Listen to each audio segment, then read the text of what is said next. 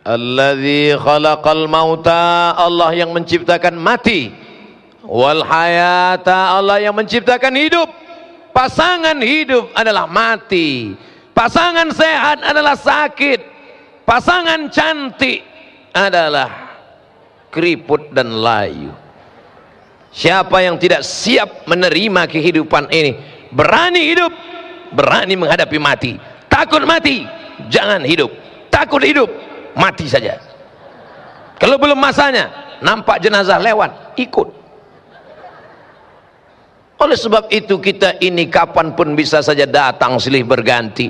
Kemarin beberapa hari yang lalu dulu kabarnya tsunami itu melalui proses gempa dulu. Gempa dulu air naik sekarang enggak.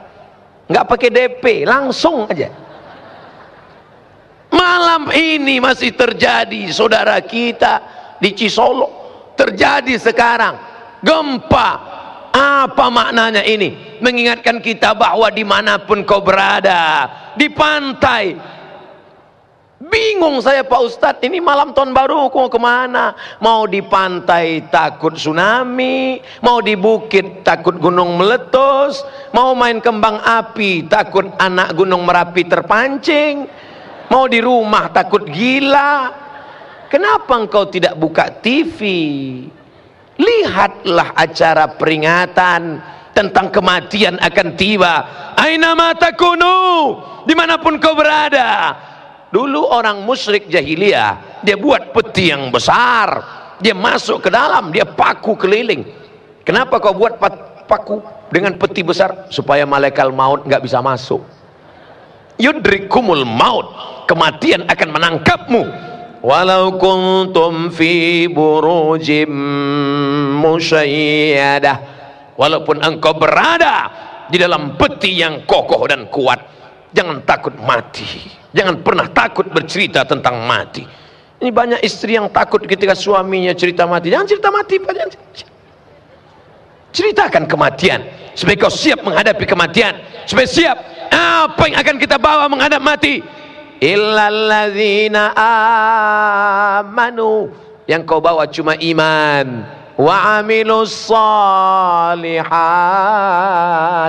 Dan amal so soleh bukan somat. Aku hanya bisa mendoakan kalian.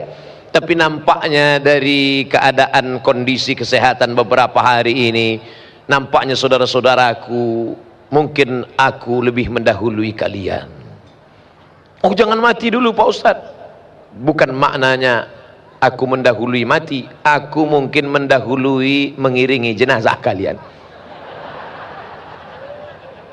Kematian tidak bisa ditawar. Sampai masanya kita akan mati malaikat maut akan mencabut 70 kali malaikat maut menatap mata kita melihat wajah kita aku cabut nyawanya jangan dulu kata Allah ini perempuan yang pelit, yang bakhil, kedekut ini, yang tak mau sedekah ini, yang kalau beli ikat nawarnya mau mati.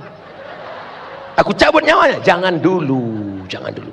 Ini yang orang pakai sabu-sabu, pakai narkoba, sudah tidak ada uang pakai lem kambing. Sudah tidak ada uang, tetap juga pakai kopi campur spiritus. Ku cabut nyawanya, jangan dulu kata Allah. Mungkin boleh jadi malam ini dia bertaubat. Mudah-mudahan yang pelaku dosa bertaubatlah engkau malam ini. Taubatlah sebelum malaikat maut mencabut nyawamu seperti tebasan pedang di tempat yang sama beratus kali seperti kambing yang dikuliti hidup-hidup seperti mata kail pancing ditarik dari kulit yang basah mana yang mau kami coba Pak Ustaz? coba aja tiga-tiganya. Pulang dari sini ambil pedang seratus kali di tempat yang sama. Pulang dari sini kulit mencabut robek. Yang paling ringan ambil mata kail pancing tusukkan tarik. Kau rasakan sakitnya kematian. Kalau mau yang kematian paling ringan ambil ujung dagingmu tarik ke atas. Rasakan sakitnya. Sampai akhirnya kau mati.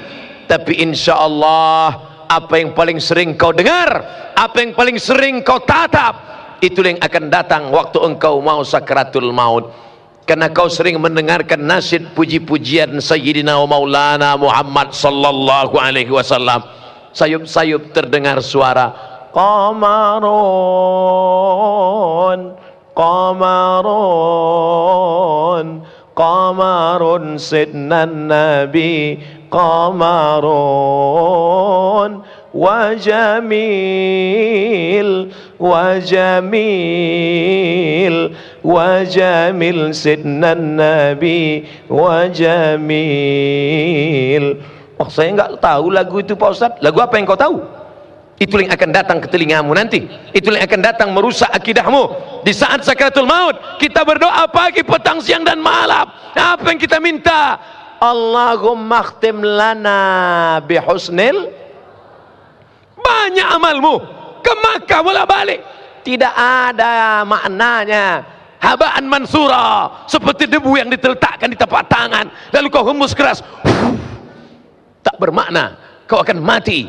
Apa yang akan kau bawa Allahumma ja'al akhir kalamina. Jadikan akhir kalam kami. Indah tihai ajalina. Ketika ajal kami tiba ketika ajal kami datang yang terakhir keluar dari mulut la ilaha illallah.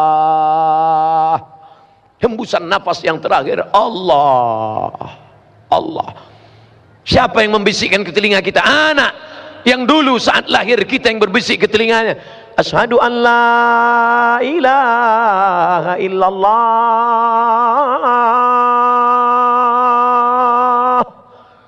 Anak-anak yang belum diazankan dulu waktu kecil Jangan kau azankan lagi sekarang.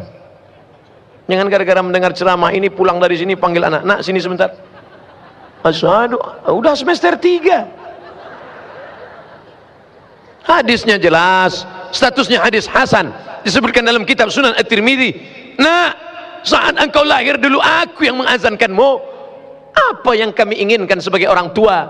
Kami sebagai ayah, kami sebagai ibu, kami tidak ingin kau belikan mobil yang besar. Untuk apa mobil besar? Kredit. Kami tidak ingin kau bangunkan rumah yang mewah. Kau bangunkan rumah tinggi berlantai dua. Kami tidak bisa naik ke atas kaki kami sudah kena asam urat. Yang kami inginkan nak saat kami mati meregang nyawa engkaulah yang membisikkan ke telinga kami. La ilaha illallah.